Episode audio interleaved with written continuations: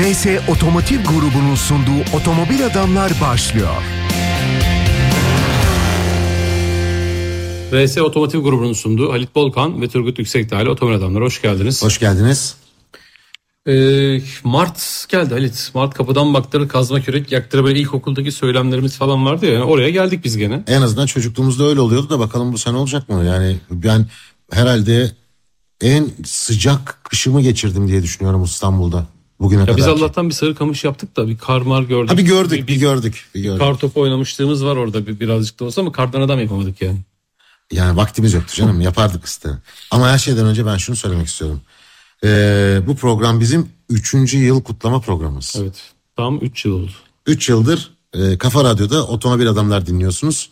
Dinleyen herkese çok teşekkür ediyoruz. Ee, ta- tahmin ediyorum sektörün de referans programlarından bir tanesi oldu şu anda otomobil adamlar. Ee, Geçenlerde bir, öyledir umut ediyorum. bir, bir hazırlık aşamasına baktım. Neredeyse sektörün bütün önemli yöneticilerinin e, yayına çıktığı, Evet. e, birçok konunun konuşulduğu hatta ciddi anlamda bir sonraki haftanın gündemini oluşturduğunuz bir örnek vereyim. Mesela biz geçen hafta geçen hafta burada yaptığımız mikrofonlarda yaptığımız programda elektrikli otomobillerin e, son dönemdeki durumunu değerlendirdik. Mesela bu hafta boyunca bu konuşuldu ama Evet. bu arada sesimizle ilgili böyle bir yankı vesaire bir şey varsa e, biz Halit Bolkan'la yine e, bir otomobil testi dolayısıyla İstanbul dışındayız. Böyle bir bir odadan yayın yapıyoruz size. Kusura bakmayın. ne olur kusura bakmayın varsa o tarz bir şeyde. E, şimdi elektrikli otomobillerle ilgili biz geçen hafta bir paylaşımlar yaptık burada. Bir, bir takım Evet. bilgileri paylaştık. E, Mercedes'in içten yanmalı motor geliştirini en azından üretmeye devam edeceği 2030 sonrasında da devam edeceğine yönelik Tabii. bir takım bilgiler yayıldı. Sonrasında hafta içerisinde yeni yeni bilgiler daha geldi. Aynen öyle. Sonrasında e, biz bu arada seninle hafta içerisinde Yıldız Teknik Üniversitesi'nde bir panele katıldık. Yine elektrikli otomobil ve katılımcılar içerisinde elektrikli otomobil alırım almam diyenlerin çok daha fazlası aradayım. Hani ben Evet. kararsızım Kararsızım diyen çok var. vardı ve kararsızlıkların sebeplerini anlattılar. E, son gelen bilgiler ne? Elektrikli otomobilde nereye doğru gidiyoruz biz? Şimdi son 2-3 yıldır yani Çin'i bir kenara bırakarak söylüyorum. Çünkü Çin'de zaten elektrikli otomobile dönüşümün başlaması 10 yıldan biraz daha uzun bir süre içerisinde devlet eliyle oldu. Yani orada e, büyük şehirlerdeki hava kirliliği büyük etkendir elektrikli otomobil yatırımları ile ilişkili olarak Çin'de. Ama e, tabii bu Çin'e şöyle bir avantaj sağladı. Teknoloji geliştirdiler. Çok net. E, bunun bir benzeri de Tesla. Çok önce başladı. Yaklaşık 20 yıl önce elektrikli otomobil geliştirmeye başladı Tesla. Dolayısıyla ciddi bir know-how'ları var. Ciddi bir tecrübeleri, bilgi birikimleri var. Keza Çin de öyle. E tabi bir de şunu da unutmamak lazım. E, Çin'in ve Tesla'nın en büyük avantajı çok büyük pazarlarda olmuş olmaları, doğmuş olmaları. Yani dünyanın en büyük otomobil pazarı Çin, ikincisi Amerika Birleşik Devletleri. E tabi ölçek ekonomisi devreye giriyor burada. Peki burada Avrupalı'nın yaptığını ki ben bunu daha önce birkaç paylaşımda da söyledim. Şimdi Avrupa otomotiv anlamda dünyanın en büyük endüstrilerinden bir tanesi. Tabii. Yani ve Avrupalılar dediler ki bir dakika ya biz içten yanmaları yasaklıyoruz. Evet. Belli bir tarih koydular. 2035. 2035 dediler ki artık yapmıyoruz ama kademeli olarak geçiyoruz ve bütün yatırımlar neredeyse içten yanmalı yatırımları durdu. Şeye döndü. Elektrikli yatırımlara döndü. Fakat sen elektrikli yatırımında teknoloji olarak Çin'den de Tesla'dan da geridesin ilk Evet etapta. doğru. E, madenlerin büyük bölümü Heh, bak o kritik e, noktalardan bir tanesi. Çin'e ait ve sen bildiğin hani ayağına değil kafanı sıkıyorsun aslında böyle bir karar alarak. Yani aslında e, Çinli markaları sen kuvvetlendirdin aldığın kararlar. Mesela Çin'de böyle bir karar var mı? Bütün arabalar elektrikliye dönecek şu tarihten itibaren içten yanmalı olmayacak diye bir karar, kanun var mı? Benim bildiğim yok. Ya bunun da çok da bir manası yok aslına bakarsan. Ee, sebepler ve sonuçlara bakmak gerekiyor. Ama şunun altını çizmekte fayda var. Şimdi Avrupa'da da elektrikli otomobil pazarı çok hızlı yükseldi. En çok gö- örnek gösterilen ülke Norveç. Hani pluginlerle beraber yani şarj edilebilir hibritler de bu arada elektrikli kabul edilir. Ee, temel olarak bakıldığında çünkü şarj edebiliyorsun. Bu arada onun altını çizelim ne olur söyle- söylediğin şeyi unutma. E, şarj edilebilir plug-in hibritler e, birçok pazarda elektrikli otomobil olarak geçiyor. Dolayısıyla elektrikli otomobil satış istatistikleri içerisinde İçinde yer alıyor. plug-inler de var. Var tabii ki. Aynı plug-in burada hibrit diye geçiyor. Ya o, o orayı geçelim. Biz de istediğin zaman o, o yani ODM'de istediğin modeli istediğin segmentte Ama gösterebiliyorsun. elektrikli diye gösteremezsin plugin'i. E abi ama Nissan'da e-Power elektrikli diye gösteriyor. Hayır şey anlamında Yani söylüyorum. mı? Hani Avru- şimdi karmaşa var orada bizim. Avrupa'daki satış istatistikleri önümüze konuyor ya bazen. İşte Ya, tabii, elektrikler tabii. çok arttı falan. Bilmiyorsun ki ne kadar plugin olur. Yok yok biliyorsun biliyorsun. Yok Acea Acea onların ODM'desi Acea. Hayır Avrupa. onlar biliyor. Hani bizdeki o verileri öne sürenler söylemiyor. Boş ver o kadarını o kadar hani detaya girmeyelim. Zaten biz elektrikli otomobil düşmanıyız ya onlara göre. Öyleymişiz, evet. Öyleyiz ya. Neyse şeyi söylemek istiyorum. Mesela Norveç'te yüzde 80-85'lere geldi sıfır kilometre otomobil satışlarında e, elektrikli artı plug-in hibritler. E, niye geldiye kimse doğru düzgün bakmadı aslında. Hani herkes Almanya'da da büyüyor pazar vesaire. E, Almanya işte ben teşvikleri kaldıracağım dediği dakikadan itibaren ya geçen ay çakıldı. yani artık geçen ay olmuyor tabii. Ocak 2024'te e, dizel satışı arttı Almanya'da. E hani ne oldu? Bu tüketiciler acayip seviyordu elektrikli otomobili. Değil abi. Teşvikler çok önemli etken. Mesela Fransa'da 6 bin euroya kadar nakit teşviği var elektrikli otomobilde. Ciddi rakamlar bunlar. Çünkü elektrikli otomobilin üretim maliyeti zaten içten yanmalardan yüksek. Dolayısıyla daha pahalı otomobiller. E, Türkiye'de de aynı şey yok mu? 1.6 hacme kadar, motor hacmine kadar olan otomobillere biz hani keşke olsa %50 falan da vergi ödeyebilsek ama ÖTV. %80 ÖTV ödüyoruz. E %10 ödeniyor ÖTV de e, 160 kW'a kadar olan otomobillerde elektriklilerde. Dur söyleyeceğini unutma. E, bu hafta sosyal medyada şey gezinde işte seçimden sonra şunlar geliyor. 1.6 motorun üzerindeki otomobiller için fahiş vergiler geliyor. Ya daha ne gelecek? Ha bir de böyle bir şey var %500 ya. yaparlar problem değil. Hani- Dert değil o kadar sıkıntı olmaz. Sen rahat ol. Ben rahatım zaten. Sen rahat ol. Bizde yok ya arabalar biz çok rahatız. Yani Hatta arabam fahiş, yok yani. fahiş vergiler gelecek diyor. Zaten %220 var. Abi ya bak bu konulara girmeyelim. Bu konulara girmeyelim yani. Tamam elektrikten devam edeceğiz. Elektrikten Evet, devam tamam. edelim. Şimdi e, şimdi Norveç'te de mesela teşvikler kaldırılıyor. Azaltılıyor vesaire. Norveç'te teşvikler neydi? Hani satın alırken teşvik var. Kullanırken teşvik var. Kullanırken teşvik ne? karta bile teşvik var ya. Otopark bedava, işte otoyol bedava, bilmem ne bedava. Ya herkes cebini düşünüyor kardeşim. Bak elektrikli otomobilin kullanma maliyeti içten yanmalardan düşük. Hiç itirazım yok. Hele evinden şarj ediyorsan AC'den hele gece tarifeleri falan da var ya bizde kullanabiliyorsun istersen. Gerçekten kullanım maliyeti açısından Neredeyse bedavaya gidiyor. bedavaya geliyor neredeyse tabii benzinle dizelle karşılaştırdığın zaman. Ama satın alma maliyeti vesaireyi de iyi hesaplaman gerekiyor. Teşvik olmadığı zaman e, Avrupalı tüketici de ya niye uğraşayım ki diyecek diyor. Ama elektrikli otomobil pazarı düşüyor değil bak bu Avrupa'dan. Yükselme hızı düşüyor. Enflasyon düşüyor yani aslında. Öyle anlatmak lazım ama bizde maalesef birçok tüketici enflasyon düştü deyince mal yani satın alacağı her şey ucuzladı diye düşünüyor. Hayır. Fiyat artış hızlı yavaşlıyor enflasyonda. Burada da pazarın büyüme hızı yavaşlıyor. Şimdi burada da ya, istatistik olarak şöyle söyleyeyim. Ee, elektrikli otomobil satışı adetleri bizde 2000, 6000, 60 bin e, rakamları yuvarlayarak söylüyorum. 2000, 6000, 60 bin. Ona katlandı mesela. Şimdi bu sene artık ona katlanmayacak. Yok tabii ki. Tabii Yani ki. 600 bin olmayacak yani bu sene. Hani Şimdi mesela bak e, 2023 yılında globalde tüm dünyada yaklaşık 13.8 milyon elektrikli otomobil satılmış. Tamam mı? Bu sene 23 milyon diye bekleniyor. Ama bir önceki seneyle kıyasladığın zaman mesela %50 artmış bir önceki seneye göre global satışlar ama %50 artmayacak şimdi. Yani bir de bir doygunluk bir e, hani kendini toparlama düzenleme dönemi var satışların. iddialı bir şey sorayım mı? Sor. Ee, geçen seneki rakamı yakalar mı sene Türkiye'de elektriklerde?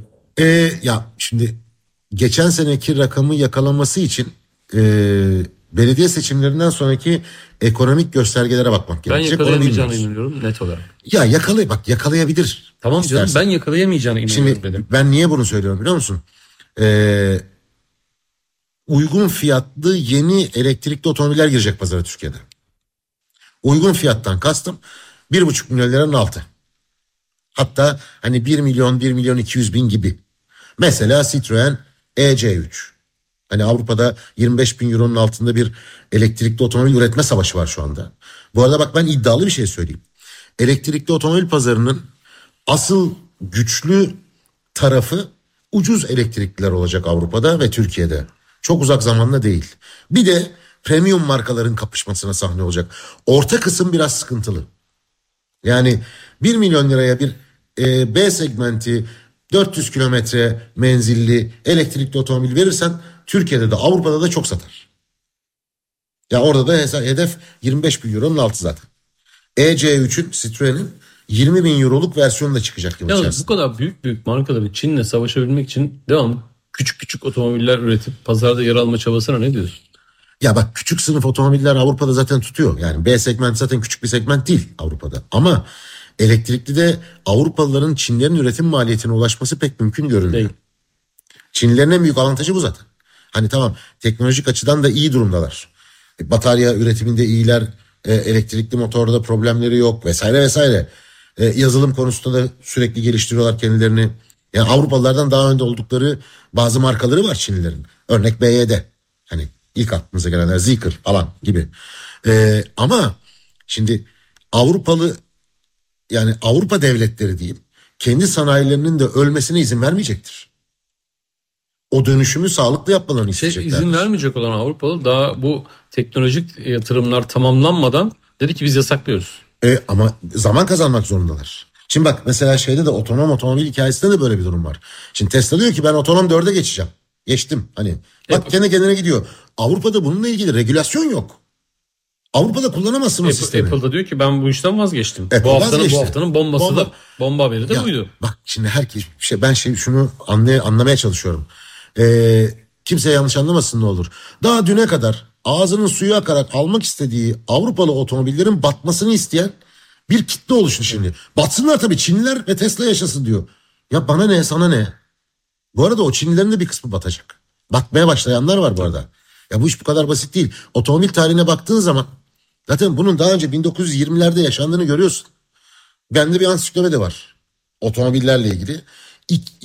3000 civarında otomobil markası var dünyada 1920'lerde. Ben de bir, ben de bir ansiklopediyle yaşıyorum 6 senedir. Yani ha ben mi oluyorum? yani e, o zaman da bir sürü marka yok oldu gitti. Ve çok da iyi markalar da vardı yok olup giden arasında. Onunla geç 20 yıl öncesine kadar Pontiac'lar işte hani Ya ya. ya abi ne ne markalar vardı. Yok oldular gittiler. Yok oldular ya. Oradaki şey dönüşüm de çok enteresan. Yani böyle Amerik şeyde görebiliyorum mesela sosyal medyada işte Amerikan tutkunları, büyük motor tutkunları bir anda Elektrikli tutkun oldu. evet Abi yani yapacak bir şey yok. Elbette e, çağa ayak uydurabilir herkes. Peki şey ne diyorsun? Ee, Elon Musk'ın açıklamasına 60 metre bir saniyenin Yok altın- 0.60 milyon. 0.60 Yani 0.96 kilometre bir saniyenin altında diyor. Bu da Yani 0.100 bir saniye civarında 0.100 demek. bir saniye. Tamamen saçmalık diyorum. Bak ben bunu hep söylüyorum. Sen de Bunu başarı olarak sundular ya. Delilik bu. Delilik bak. Niye delilik olduğunu söyleyeyim. Bir kere öyle bir hızlanmada o G'yi kaldıracak mı herkesin vücudu? Yani ben şunu söyleyeyim. Ben iki buçuk saniyede hızlanan otomobilde test ettim. Sıfır, ilk sıfır yüzü yaptığında gözün kararıyor. Çünkü beynin bir sıvı içinde gidip kafatasına vuruyor arkada. Şaka değil bunlar. Bir saniye dediğin zaman düşünemiyorum ya. Hak- yani hakikaten düşünemiyorum. Sürücünün düşeceği durumu ve öyle bir hızlanmada o anda bir şey olsa o otomobili durdurmayı başaramazsın. Ya şunu anlamaya çalışıyorum. Uzaya gitmiyorsak tamam mı? Yukarıya doğru. Yani Bir roket içinde değilsen hani ne neden Baba böyle bir ihtiyacın var? şunun altını çizerek hep söylüyorum. Sosyal medyada da daha geçen gün paylaştım bir ar- e, bir arkadaşımın e, paylaşımının altına yazdım. Bu haberin altına. E, elektrikli otomobil markalarının yapmaya çalıştığı şey ne? Bir, menzil abi menzil savaşı var şu anda. Ya niye siz 0-100 savaşı yapıyorsunuz ya? 0-100 savaşına ihtiyacımız yok bizim tüketiciler olarak. Yani e, bunu da Tesla başlattı bu arada. Tamam mı? Bana göre büyük hatadır. E, 0-100 hızlanması yaklaşık 9-10 saniyelerde olan otomobillere alışmış olan bir sürücü. Tamam çok keyifli geliyor. Basıyorsun 3 saniyede 0-100'ü. Evet. Bunun pratikte bir anlamı yok zaten de. Bak pratikte hiçbir anlamı yok. Fakat öyle bir gücü kontrol etme tecrübesine ve yeteneğine sahip olmayan milyonlarca sürücü var yollarda. Ve o insanların altına sen bu arabaları veriyorsun. Hızlandığı kadar çabuk duramayan otomobillerden bahsediyorum. Bir saniyede 0-100 yapan otomobil e, o hızlanmasına karşılık gerekli olan çabuklukta duramayacak. Bak duramayacak 100 kilometreden sıfıra saatte 100 kilometreden sıfıra yaklaşık en iyi otomobilden bahsediyorum. Seri üretimlerden bahsediyorum. 2-2,5 saniyede durabiliyor. Bak dikkat et. Çoğunun sıfır yüzü daha uzundur zaten. Normalde böyledir. Burada böyle olmayacak. Bu arada biz bu otomobillerin hep şu andaki sıfır halini konuşuyoruz. Bunların 4 yaş, 5 yaş, 6 yaş, 8 yaş, 10 yaşı Onu var. geç Ya. baba bak. Bir saniyede sıfır yüz yapacak olan o Roadster. Lastikleri nasıl olacak çok merak ediyorum. O lastikler o kuvveti yere nasıl aktaracak? Kaç kilometre dayanacak? Yarı ömrüne geldiğinde o kalkışı yapmaya kalktığında neler olacak? Islak zeminde ayağın fren pedalından kaydığında ne olacak? Çünkü büyük ihtimalle alüminyum pedal olacaktır onda da. Islak ayakkabıyla binersin tak diye kayıverir ayağın. Ne olacak? Allah'tan kafa radyo mikrofonlarındayız ki belli bir hani e, gruba hitap ediyoruz. Bunu yazsana sosyal medyada. Dayı ne biliyorsun sen? Dayı yazacak. Ya, yazanlar var ya var yazanlar ya vallahi var. Umurumda da değiller. Ee, yani Dayı- dayı ne konuşuyor İlber Hoca'nın kulakları çınlasın. Ee, bu cah yani bu cehalet bizim hayatımızı etkiliyor maalesef. İşte bir yıl saçma sapan trafik kazası oluyor. Bir yıl makasçı denen tipler var ortalıkta. Ben bu hafta yazdığım şeye gelen lincin haddi hesabı yok. Var ya aman ya Rabbi ya aman ya Rabbi ya. Ve böyle makaleler onun bir de şey için yapan çok var. Onu da artık tecrübeden sonra anlayabiliyorsun onu etkileşim istiyor tamam mı? Tabii, ben tabii. ona bir yanıt vereyim ki yani Tabii, tabii, etkileşim. e, onu herkes görsün duysun bilsin falan orada bir kışkırtma da çok fazla var ama artık öğrendik o işleri. Bak şunu baştan tekrar edeyim. Elektrikli otomobiller bu şekilde giderse gelişmeye devam ederse evet ya geleceğimiz hiçbirimiz buna karşı değiliz. Ben de karşı değilim. Ama şu andaki elektrikli otomobiller herkesin hayat tarzına uygun değil. E, Yıldız Teknik Üniversitesi'ndeki panelde bir şey söyledim ben. Türkiye için söylüyorum bunu. Diğer pazarları şu an çok net bilmiyorum. E, Türkiye'de elektrikli otomobil alanların yarısı ne aldığını farkında değil. Değil. Diğer yarısı da gerçekten teknolojiyi bilen zaten o gruba e, sosyal medyada mesajlar. E, ben aldım çok memnunum. Şey, gayet iyi. Evet, Uygun fiyatlı kullanıyorum. Çok az veriyorum. Siz bilmiyorsunuz. Sen bilerek almışsın. Peki ben bize gelen, duyduğumuz, bildiğimiz, gördüğümüz şikayetleri anlatmaya kalksak ki bu şikayetlerdeki şikayet konusu aslında otomobil değil. O kişi o otomobile uygun kişi değil. Ve Değil. o yüzden de şikayet ediyor. Evet. Ama şikayetler o kadar büyümüş ki. Bak. Hani yaşadığımı anlatayım ki orada da anlattık. Ankara'da TOG'un satış hani satışta demiyorlar. showroom'da. Showroom'da değil. Onlar hani başka isimlendirmelerle yürüyorlar ya. Deneyim merkezindeydim. Ee, bir adamcağız ben- ben- geldi. Beraberdik o. Evet bir adamcağız geldi. Arabayı anlatmalarını istedi. Ben dedi ki aldım. Geçen sene çünkü biliyorsun kurayla seçilmişti insanlar. Aldım dedi. Anlattılar anlattılar anlattılar arabayı gayet güzel. Sonra geldiler şarj portunu açtılar yani kapağını açtılar. Buradan da şarj ediyorsunuz dediler. Adam dedi ki bu araba elektrikli mi? Almış ama. Almış. Ve o, o adam ben sana söyleyeyim mi al kullanmaya başladıktan 10 gün sonra ben bunu nasıl satarımın derdine düşüyor. Ya muhakkak. Sonra iş şuna dönüyor. Elektrikli kötü. Hayır abi elektrikli sana uygun değil. Bu kadar basit. Bir de Net. her yeni ürünün bu tip otomobilde işten yanmalı bile olsa ikinci eli çok önemlidir Türkiye'de. Bir otomobilin maliyeti, kişiye maliyeti ya da şirkete maliyeti sıfır kilometre fiyatı ile ikinci el fiyatı arasındaki fark kadardır ma- maliyeti sana. Şu anda elektrikli otomobillerin büyük çoğunluğunun ikinci el fiyatlandırmasında problem var. Fiyatlandırılamıyor. Satılamıyor. Zorlanıyor insanlar. Bunun da oturması için bir süre gerekecek. Bu kadar basit. Biz bunları söylüyoruz diye elektrikli düşman oluyoruz. Değil. Biz tüketici dostuyuz arkadaşlar. Elektrikli düşmanı değil.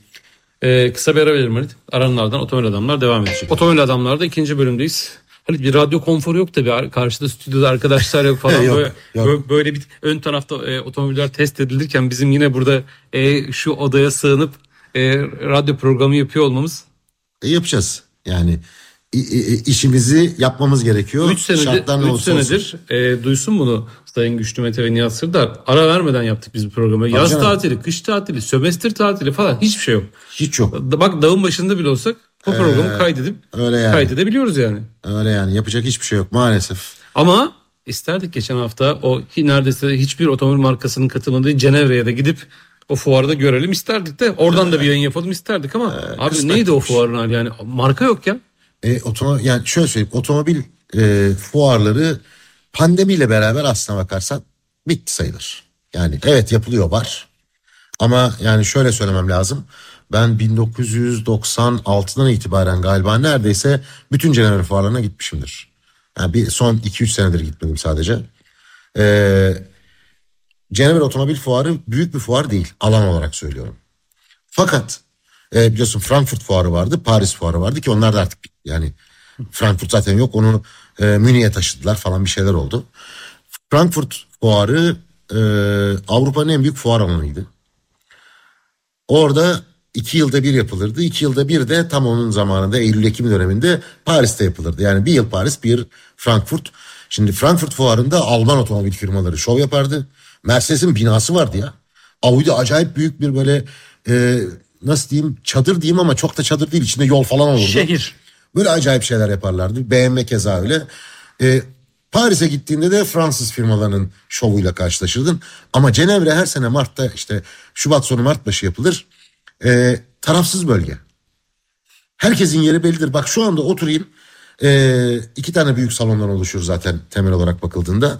Hangi markanın yeri neresi sana çizerim. Çünkü işte 20 sene gitmişim mesela örnek veriyorum. 20 Herkes aynıydı. Aynı, yer. yerdeydi abi hiç değişmezdi.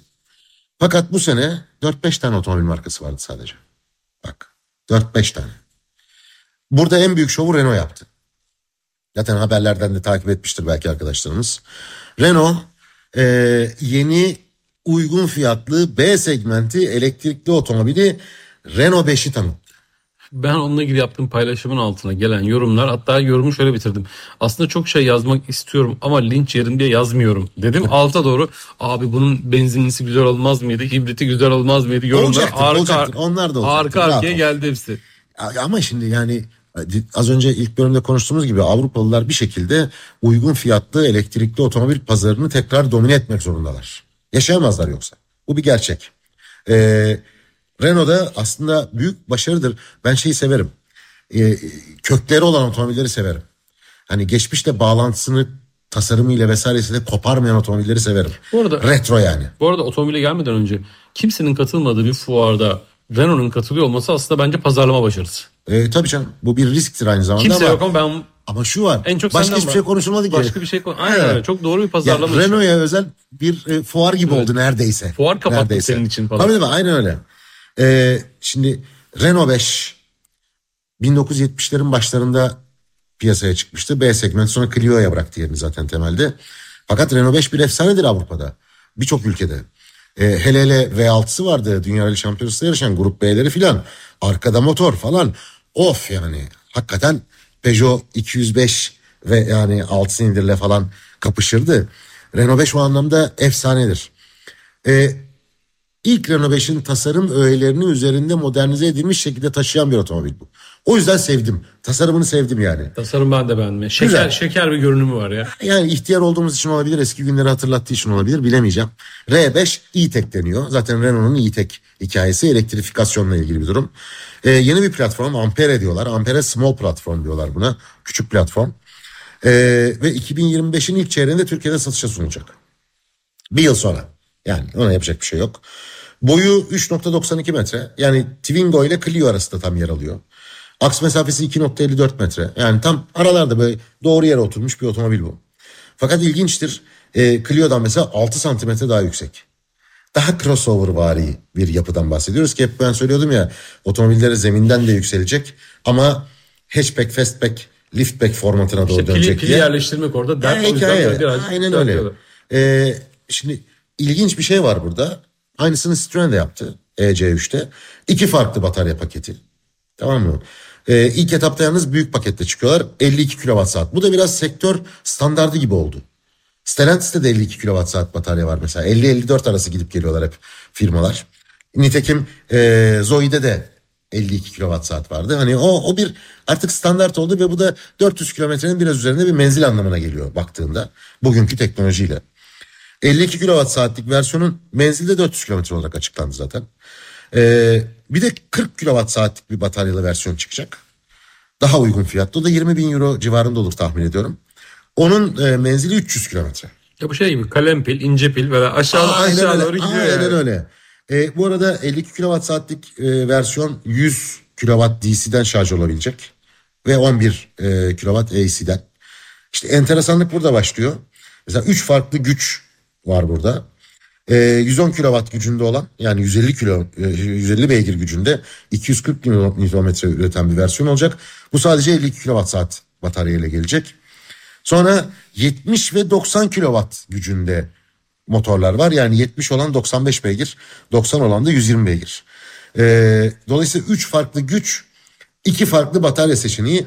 70 kW'lıkta sadece 40 kWh saatlik batarya olacak. 90'da ikisini de alabileceksin. E, 110 kW'da sadece 52 kWh saat olacak. E, böyle baktığın zaman da aslında e, 4 farklı e, versiyon olacak. E bu da tabii fiyatlandırmada böyle hani işte bir tane uyduruyorum şu anda 19.500 bir tane 20.500 bir tane 22.500 bir tane 25.000 gibi bir fiyatlandırmadan bahsediyor olabileceğiz belki. E, bu arada en güçlüsü olanın e, 0 yüzü 8 saniyenin altında olacak dediler. Daha geliştirme devam ediyor belli ki. E, son hızı 150 kilometre saatle sınırlandırmış. Normal şehir dışı otomobilden bahsediyoruz. E, bu arada Renault Volkswagen'le ortaklığa gidiyor. Ortaklık görüşmelerine başlıyor daha doğrusu. Ucuz otomobil konusunda. Volkswagen bir şey yapmak zorunda Evet, zaten. Volkswagen çok sıkıştı. Yani çok sıkıştı. Gerçekten sıkıştı. Ee, bu konuya daha sonra gelelim istiyorsan. Ee, bir diğer önemli tanıtım BYD tarafından yapıldı.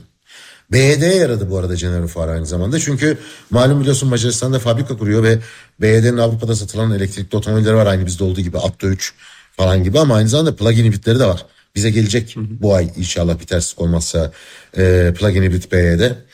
E, ama orada onlar mesela bir tane büyük arazi aracı tanıttılar. Farklı bir isimle. Yangwang U8 diye.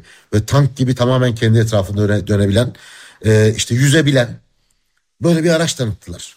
Bunu Avrupa'da da gösterdiler. 1200 beygir. Oo. E, tank gibi yani baktığımda. E, yani plug-in hibrit bu arada filan böyle şeyler de var. Ve en önemli rakip olarak gördükleri de Mercedes G serisi Land Rover Defender. Bu arada G serisinin de elektriklisi tank dönüşü Tamam, yapıyor evet. filan. Ama orada başka bir savaş var işte. Hani ilk bölümde dedim ya bir ucuz otomobil tarafında büyük bir savaş var. Daha da alevlenecek bu savaş. Bir de lüks tarafta büyük bir savaş var. Ama ortada kalanlar bakalım ne olacak onu bilmiyoruz. Bu arada bir de Tank EV diye bir model de gösterdiler. Yenilenmiş bir model. 530 kilometre menzili olan bir otomobil. E, Seal SUV'yi gösterdiler. İşte bize gelecek, Bize gelecek olan. olan. E, diğer taraftan Renault'un Renault yani Renault Nissan Mitsubishi Alliance içerisinde Dacia var biliyorsun. Dacia Spring'in makyajcısını gösterdi ama içi ve dışı gerçekten çok farklılaştırılmış. Ama aynı otomobil temelde baktığında. Ama Türkiye'de artık Spring satamıyorlar. Çin'de üretiliyor çünkü. Bir de Türkiye'de bu yıl yaz aylarında üretilmeye başlanacak, satışa sunulacak olan yenilenmiş Duster'ı gösterdiler. E onu biz zaten biz biliyorduk. O da Renault olarak satılacak Evet. zaten bizde. Bir diğer Çinli de bu fırsatı iyi değerlendiren MG oldu. MG3 bir e, B segmenti hatchback Türkiye'de de satışa sunulacak. E, bir hibrit bu da. E, 192 beygir yalnız. Baya hani düşün B, B E, hatchback. hibrit tane. Hibrit olacak evet. Full hibrit. 75 kilowattlık bir elektrik motoru var. 1,5 litrelik bir benzin motoru var. To- toplam sistem gücü 192 beygir. 75 kW elektrik motoru da iyi yalnız. İyi rakam tabii tabii. 0 yüzü 8 saniye. Sıksa, sıksan elektrikli gelecekmiş o ya. E, saatte 80 kilometre hıza kadar sadece elektrikli motorla hızlanabiliyor. Güzel. E, üç ileri şanzıman var. Bak otomatik şanzıman üç ileri. Farklı şanzıman e, yapılarına dönmeye başladılar. Bu tip otomobillerde hibritlerden bahsediyorum. E, hatırlatırım Renault'un Avustralya'da de farklı bir şanzıman var. Buna göre yani elektrikli motorun kullandığı şanzıman ayrı, e, benzinli motorun kullandığı ayrı gibi. E, yani bu otomobilde MG3'te Türkiye pazarında MG'nin yeni silahı olacak. Yani baktığın zaman evet bir iki marka daha vardı ama bizi ilgilendiren temelde temelde bunlardı. Üç, üç tane üç tane var. Bu üç markaydı. Ama bu arada şeyi iyi kullanan bir marka oldu. Cenevre'ye katılmadı ama Peugeot yeni 5008'in iç mekanının videosunu yayınladı. Cenevre Fuarı ile beraber. Ee, böylece sosyal medyada böyle bir ne derler buna hani bir Rol teaserla çaldı. rol çaldı. Aynen öyle. Ee, bu ay içerisinde yeni Peugeot 5008'i göreceğiz. Detayları açıklanacak vesaire. Bakalım daha neler olacak ya. E, Volkswagen durumu bir anlatsana. Volkswagen, Renault. Ee, şimdi Renault ile Volkswagen hani Luca De Meo bu arada e, ciddi açıklamalar yapıyor son dönemde. E, ve şunun farkındalar. Yani biz tek başımıza e, yem olacağız gibi görünüyor. Dolayısıyla güçlerimizi birleştirmemiz lazım. E, biliyorsun Ford'la aslında Volkswagen'in elektrikli otomobiller konusunda bir altyapı işbirliği söz konusu. E, ticari araçta da işbirlikleri var. E, ama ve lakin Luca De Meo diyor ki bizim birleşmemiz lazım. Biz derken buna Stellantis'i de dahil edebiliriz belki. Yani e, Avrupa'da ortak bir güç oluşturalım. Çinlilere karşı rekabet gücümüzü arttıralım mantığında bir gelişme bu. Nereye gider belli olmaz. Bu arada Luca De Meo çok tecrübeli yöneticidir. Daha önce Fiat grubunda da çalışmıştı. Ee, yani Volkswagen grubunda da çalıştı. Dolayısıyla oradaki bağlantılarını da kullanıyor ve o şirketlerin e, neler yapıp neler yapamayacağını da çok iyi bilen bir Bu arada elektrikte de çok başarılı pozisyonda olmayan Ford ve Volkswagen'in işbirliğinden de ne çıkardı o da tartışılır yani. Şimdi bakacağız göreceğiz. Zamanı gelince göreceğiz yani bilmiyoruz. Ama benim e, de anladığım Avrupalı otomobil firmaları en azından kapı arkasında e, yardımlaşacaklar. Başka çareleri yok. Çinlileri durdurmaları veya Tesla'yı durdurmaları kolay değil. Japonlar ne yapacak? Abi Japonlar çok acayip bir konumda. İşte Toyota başkanı çıkıp diyor ki e, biz hani elektriklilerin bu kadar daha büyüyeceğini düşünmüyoruz. Evet hala ısrarla bunu söylüyorlar. Yani zaman gösterecek. Şimdi e, ben sosyal medyada görüyorum insanlar atıp savuruyorlar. Ya bu da ne biliyor falan. Ya arkadaşım Toyota ailesinin adamı bu. Adamın bütün hayatı otomotivde geçmiş. Onların da kendi açılarından baktığı bir yer vardır. Bir hesap kitapları vardır. Kim haklı çıkar bunu bilmeyi bilemeyiz şu anda. Birileri haklı çıkacak. Ama kim bunu bilmiyoruz. Bu arada Mercedes bir açıklama yaptı. Dedi ki gelecek 10 yılda da kullanılacak şekilde içten yanmalı motorlarımızı update edeceğiz. Geliştirmeye devam edeceğiz. Geliştireceğiz demek bu. Yeni sıfır motorlar geliştirmeyebilirler. Ama var olan motorları yeni gelecek emisyon normlarına uyduracağız demek. Ee, Audi'nin de Audi'de de benzer bir durum Audi'de var. de benzer bir durum var. Onlar da yani yavaş yavaş bir dakika hemen öyle işten yanmalardan hemen vazgeçmeyeceğiz. Evet. Söylemi gelmeye başladı. Bu arada tabii Avrupa Birliği'nin vermiş olduğu 2035'te ile işte işten yanmaları durduracağız kararı da değişebilir. 2040'a atılabilir veya başka küçük açık noktalar bırakılabilir. Ee, burada sentetik yakıt hikayesi var. Onlara da 2035'e kadar süre tanıdılar zaten vesaire. Ee, kaynayan bir kazan var.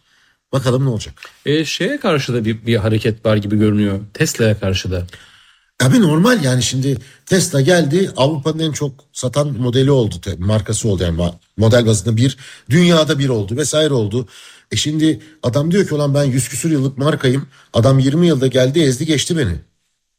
E, herkes Ya- bir e, korunma kalkanı Bu, bu argümanlar konuşulurken hep şey örneği var ya işte Nokia olmak istemiyorsanız falan. Evet yani. Bak, fakat burada herkesin atladığı bir şey var. Şimdi Nokia olmak istemiyorsan gelişime ayak uyduracaksın. Fakat Evet. geliştirilmiş ama hiçbir şey olmamış onlarca, yüzlerce, binlerce de proje sayarsın. Nokia örneğini verenlere hak veriyorum. Hiç itirazım yok. Ben de BlackBerry örneğini vermek istiyorum. İlk akıllı telefon BlackBerry'di arkadaşlar. Nerede BlackBerry? Yani yarın Tesla'nın da ortadan kalkmayacağının bir garantisi yok. Kimse kusura bakmasın. Bu işler o kadar basit değil. Bir başka firma çıkar bambaşka daha iyi bir teknolojiyle sen açıkta kalırsın. Sene, e, o kadar sıfır, basit. sıfır emisyonlu bir sentetik yak- yakıt ürettin. E, evet ne yapacaksın o zaman? Bitti. Geçmiş olsun. Avrupalı diyecek ki bu sefer ya da onu üreten ben e, Yani işte orada yak- bak bir de- yakıtla sıfır emisyona ulaşabiliyorum. Sıfır emisyon da değil. Karbon nötr deniyor buna. Abi yani ve Avrupa Parlamentosu dedi ki ve Avrupa Birliği e, yetkili kurulları dedi ki karbon nötr olacağını ve satın alınabilir şekilde üretilebileceğini kanıtlayın. İzin verelim dedi. E şimdi Almanlar buna çalışıyor kardeşim. E, bu arada hidrojenin de altını çizelim mi? Ya Yani herkes hidrojen- hidrojen, evet. hidrojen çok kolay bir şey olduğunu zannediyor Değil ama abi. değil abi. Değil, değil. Yani Çok zor bir iş hidrojen. Ee, yani depolaması zor, taşıması tehlikeli vesaire. Ee, üretiminde de karbondioksit var ama yeşil hidrojen diye de bir şey var bu arada. Yok değil. Ee, hidrojen için biraz daha zaman gerekli bence ki şu anda ağırlıklı olarak tırlar için, şehirler arası taşımacılık için düşünülüyor. Bu arada içten yanmalı motorda hidrojen de kullanmaya başlayan markalar var. Şimdi herkes bir şey deniyor. Ama bu iş nereye gider? Zaman gösterecek. Bugünden evet ya Tesla bitirdi bunların hepsini iflas ettirir ya da Çinliler var ya bunların hepsini yedi bitirdi dememek lazım. Bilmiyoruz geleceği. Burada net öngörüm benim şu. Yani çok mu iddialı olur bilmiyorum ama e, menzil arttığında bugün 300, 400, 250 me- e, kilometre menzille satılan birçok elektrikli otomobil ikinci elde sıkıntı yaşayabilir. Şimdi Sıkıntı orası. bunu bunu söylüyoruz zaten. Ee, Yani bin kilometre bak çıktı menzil ne yapacağız? Bizim gibi ülkelerde otomobil bizim sermayemiz aynı zamanda. Biriktirdiğimiz para. Onun değer kaybetmesini istemiyoruz biz. Ama en basitinden Tesla bir yılda yüzde kırka yakın fiyat indirdi sıfır kilometrede. O yüzden de bazı global e, şirketler filo kiralama şirketleri elektrikten çıkmaya çalışıyor veya buyback garantisi deniyor buna. Geri satın alma garantisi istiyorlar. Çünkü E, filo kiralama ve günlük kiralama şirketlerinin para kazanacağı nokta zaten ikinci el değeri. E sen yüzde otuz yüzde kırk fiyatı sıfır aşağı çekersen batar adam yani. Benzinli ile elektrikli arasındaki bence en önemli farklardan bir tane. Benzinli 20 sene önce aldığın arabada hala benzini koy devam ediyorsun ama Evet. bugün aldığın elektrikli otomobilin menzili önümüzdeki senelerde yer, şey, en büyük örneği Fluence örneği var ya. E, tabii. Geçen yıl Ya, Sektik'te tabii, de tabii. konuşuyorlar. Hani, hepsi duruyor şimdi 100 150 kilometre menzili olan otomobiller Yok kenara o, çekildi. o geldiğinde 150 idi şu anda 60-70 gidiyorlar söp başına koy yani. Çöp oldu şu anda. Çöp tabii. Ee, kısa bir ara verelim. Aranlardan otomobil adamlar devam edecek.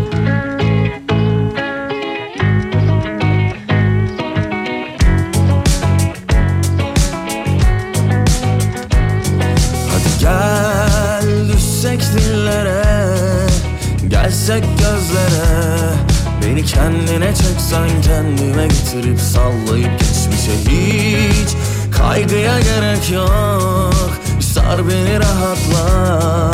Balık gibi uçalım hayale dadanıp Gönlümü kandırıp ah, ah. Ama bana ne kime ne ben saracağım seni yine de. Yakışıklı hani sen gülüyorsun ya inceden. Çok güzel bir tatlı telaş sen geliyorum deyince. Yakışıklı yeniden yak bizi hiç düşünmeden Çok gerekli sıcaklığın tatlı tatlı koynuma gel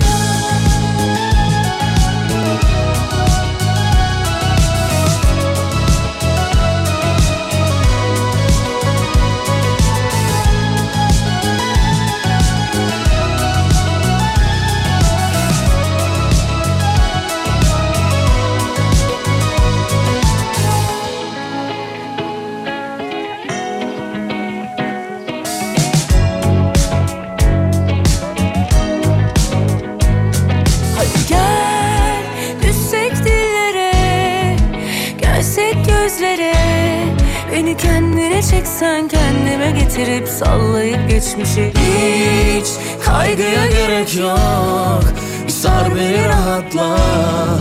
Balık gibi uçalım hayale dadanıp Gönlümü kandırıp ah, ah. Ama bana ne kime ne ben saracağım seni yine de. Yakışıklı hani sen geliyorsun ya inceden Çok güzel bir tatlı telaş. Sen geliyorum deyince Yakışıklı yeniden yak bizi hiç düşünmeden. Çok gerekli sıcaklığın tatlı tatlı koynuma gel RS Otomotiv grubunun sunduğu Halit Bolkan ve Turgut Yüksekler Otomobil Adamlar'da son bölümdeyiz. Halit stüdyoda olmayınca zamanı biraz şey kullanmışız. Son bölüm biraz... Kötü kullanmışız. evet yani çene, çenemiz düşmüş oradan Ümit de bize abi evet kesmeniz gerekiyor falan demediği için Diyemediği için. diyemediği için aynen. e, O biraz- teknolojimiz yok henüz. Ya son bölümde şeyi konuşalım. Bu hafta çok feci bir kaza gördük İzmir'de. Evet İki ya. tane tırın arasında Evet. e, kalmış bir otomobil ki otomobilin de aslında çarpışma testleri vesaire verileri geldi ama yani o darbeye hangi çarpışma testi olursa olsun Şimdi- maruz kaldığı andan itibaren hiçbir şey kurtarmaz zaten. Ee, bir kere çarpışma testlerindeki temel mantığı söyleyeyim. Bir kere buradan yola çıkmak lazım. Ee, çarpışma testlerinde otomobiller kendi ağırlıklarındaki bir araçla çarpıştırılacak hesapla yapılıyor bu testler. Yani 1 ton 200 kilo 1200 kiloluk bir otomobil 1200 kiloluk bir otomobille çarpa, çarpışırsa ne olurun sonucu çıkıyor çarpışma testlerinde. Senin 1200 kilometrelik 1200 kilogramlık otomobiline arkadan 40 tonluk kamyon çarparsa tır çarparsa yapacak hiçbir şey yok. İki tane 40 tonluk aracın Ve, arasında kalırsan ve çarptığında seni sürükleyip götürdüğü tırda yani engelde 30 tonsa bak şu kadar söyleyeyim Mercedes serisi olsa hikaye. hiç öyle. Orada çarpışması önemli aynı zamanda. İtirazım yok. Ya. Yani ama hani 30'la çarptı ittirerek götürüyor seni. Baya tost gibi ya. Ben şey söyledim bu hafta onu paylaştığımda dedim ki takip mesafesi bu yüzden önemli. Aynen Yani öyle. bu otomobil öndekine çarpmış takip mesafesi yok. Arkadan gelen tı- takip mesafesi yok. Üstüne bir de sürati belli. Hani Şimdi- Şimdi bir tane şey demiş. Tırı nasıl bu kadar masum bulabildin lan? Ben böyle bir şey demedim ki. Alta gelen 10 tane yorum var. Abi okuduğunu anlamıyor musun hani? Ya tırın da arkadan çarpan tırcının da e, o mesafeye dikkat edip etmediğini anlaman lazım Evet. önce. O, şimdi onu söyleyecektim. Bu kazanın oluşum aşamasını görmedik. Hani iki tırın arasına mı girdiği araç yoksa e, öndeki tırı çok yakından takip ediyordu. Tır da aracı yakın takip ediyordu. Öndeki tır ani fren yaptı da bu yüzden mi oldu? Bunu bilmiyorum.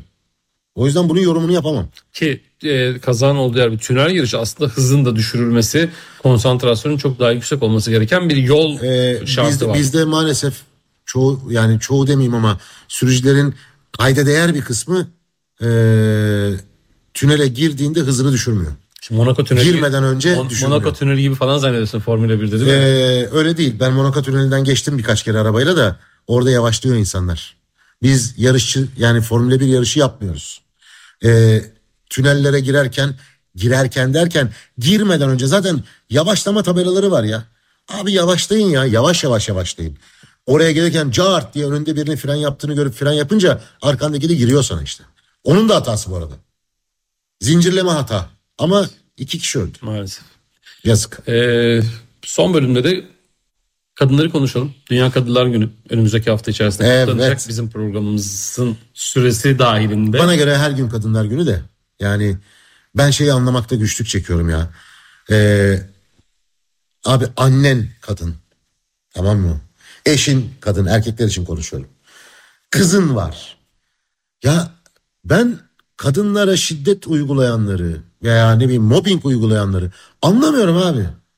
Anlamıyorum. Hani e, cennet annelerin ayağının altında diye konuşuyorlar ya. E abi o da bir anne ya da anne adayı. Hani senin annen nasıl oluyor abi bu? Ben bu mantığı anlamıyorum. Şu ataerkil kafadan kurtulmamız lazım. Kurtulmak zorundayız. Bununla ilgili var ya 10 program yapsak konuşuruz. Konuşuruz tabii misin? Ama önümüzdeki hafta Kadınlar Günü'ne ilgili birçok organizasyon şey olacak ama erkekler yapacak bunu. Gene kadınlar olmayacak işin içerisinde. Sorma öyle toplantılara ben çok gülüyorum ya. Top düşüyor önümüze veya televizyonda görüyoruz. 20 tane erkek yan yana kadınlar gibi Kadınlar. konuşuyor. Ya hadi kardeşim ya. Hadi kardeşim ya. Ee, tüm kadınların Kadınlar Günü'nü şimdiden kutluyorum. Aynen. Her gün Kadınlar Günü'dür. Cennet annelerin ayakları altındadır. Doğru. Ee, hepsine saygılarımı, sevgilerimi. Bu arada kadınlar güzel araba kullanır. İşte bu şeylere rivayet etmeyin. Ben herkese insan gözüyle bakıyorum. Bazı insanlar kötü kullanıyor. Bu kadar basit benim için. Kadın ya da erkek olmasının bir önemi yok. Hep vardır öyle bir klişe. Kadınlar nasıl araba kullanıyor? Bazıları gayet çok da dikkatli kullanıyorlar. Tamam Abi bazen bak- orta şeritten yavaş gidenler oluyor Kötü ama kullanan kadınlar var. Kötü kullanan erkekler de var. çok kötü kullanan erkekler. Aa, var. hem de ne hem de Ama ne. şunu görmedim ben mesela. Makas atan kadın görmedim hiç bugüne kadar. Ya tek tük belki vardır Ben da. görmedim yani. Yani ben denk geldim bir kere de. Ama yani insan olarak bakınca problem ortadan Hadi kalkıyor. kadınlar deyince e, FİA Dünya Kadınlar Konseyi Başkanı seçilen Burcu Çetinkaya'yı da kutlayarak Tebrik ediyorum.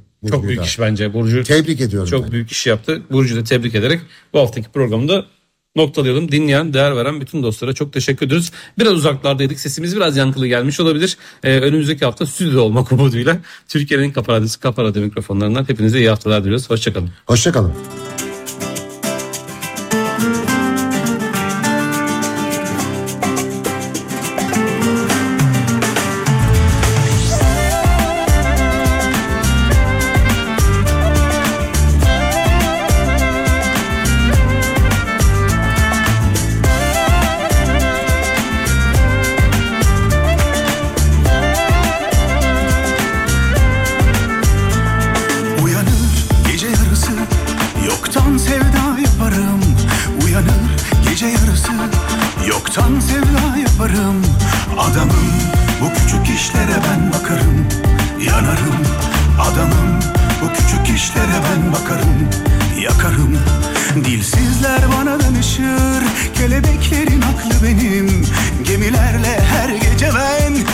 Uzaklardan dönerim. Çağırırlar küçük adımı. Kara fakiden ben akarım. Çağırırlar küçük adımı. Kara fakiden ben akarım. Adamım bu küçük işlere ben bakarım. Yanarım. Adamım Bu küçük işlere ben bakarım. Yakarım. Benim adım Ebruli Biraz gerçek biraz rüya. Yalanımı sevsinler Aşksız dönmüyor dünya Benim adım Ebruli Biraz gerçek biraz rüya. Yalanımı sevsinler Yalansız dönmüyor dünya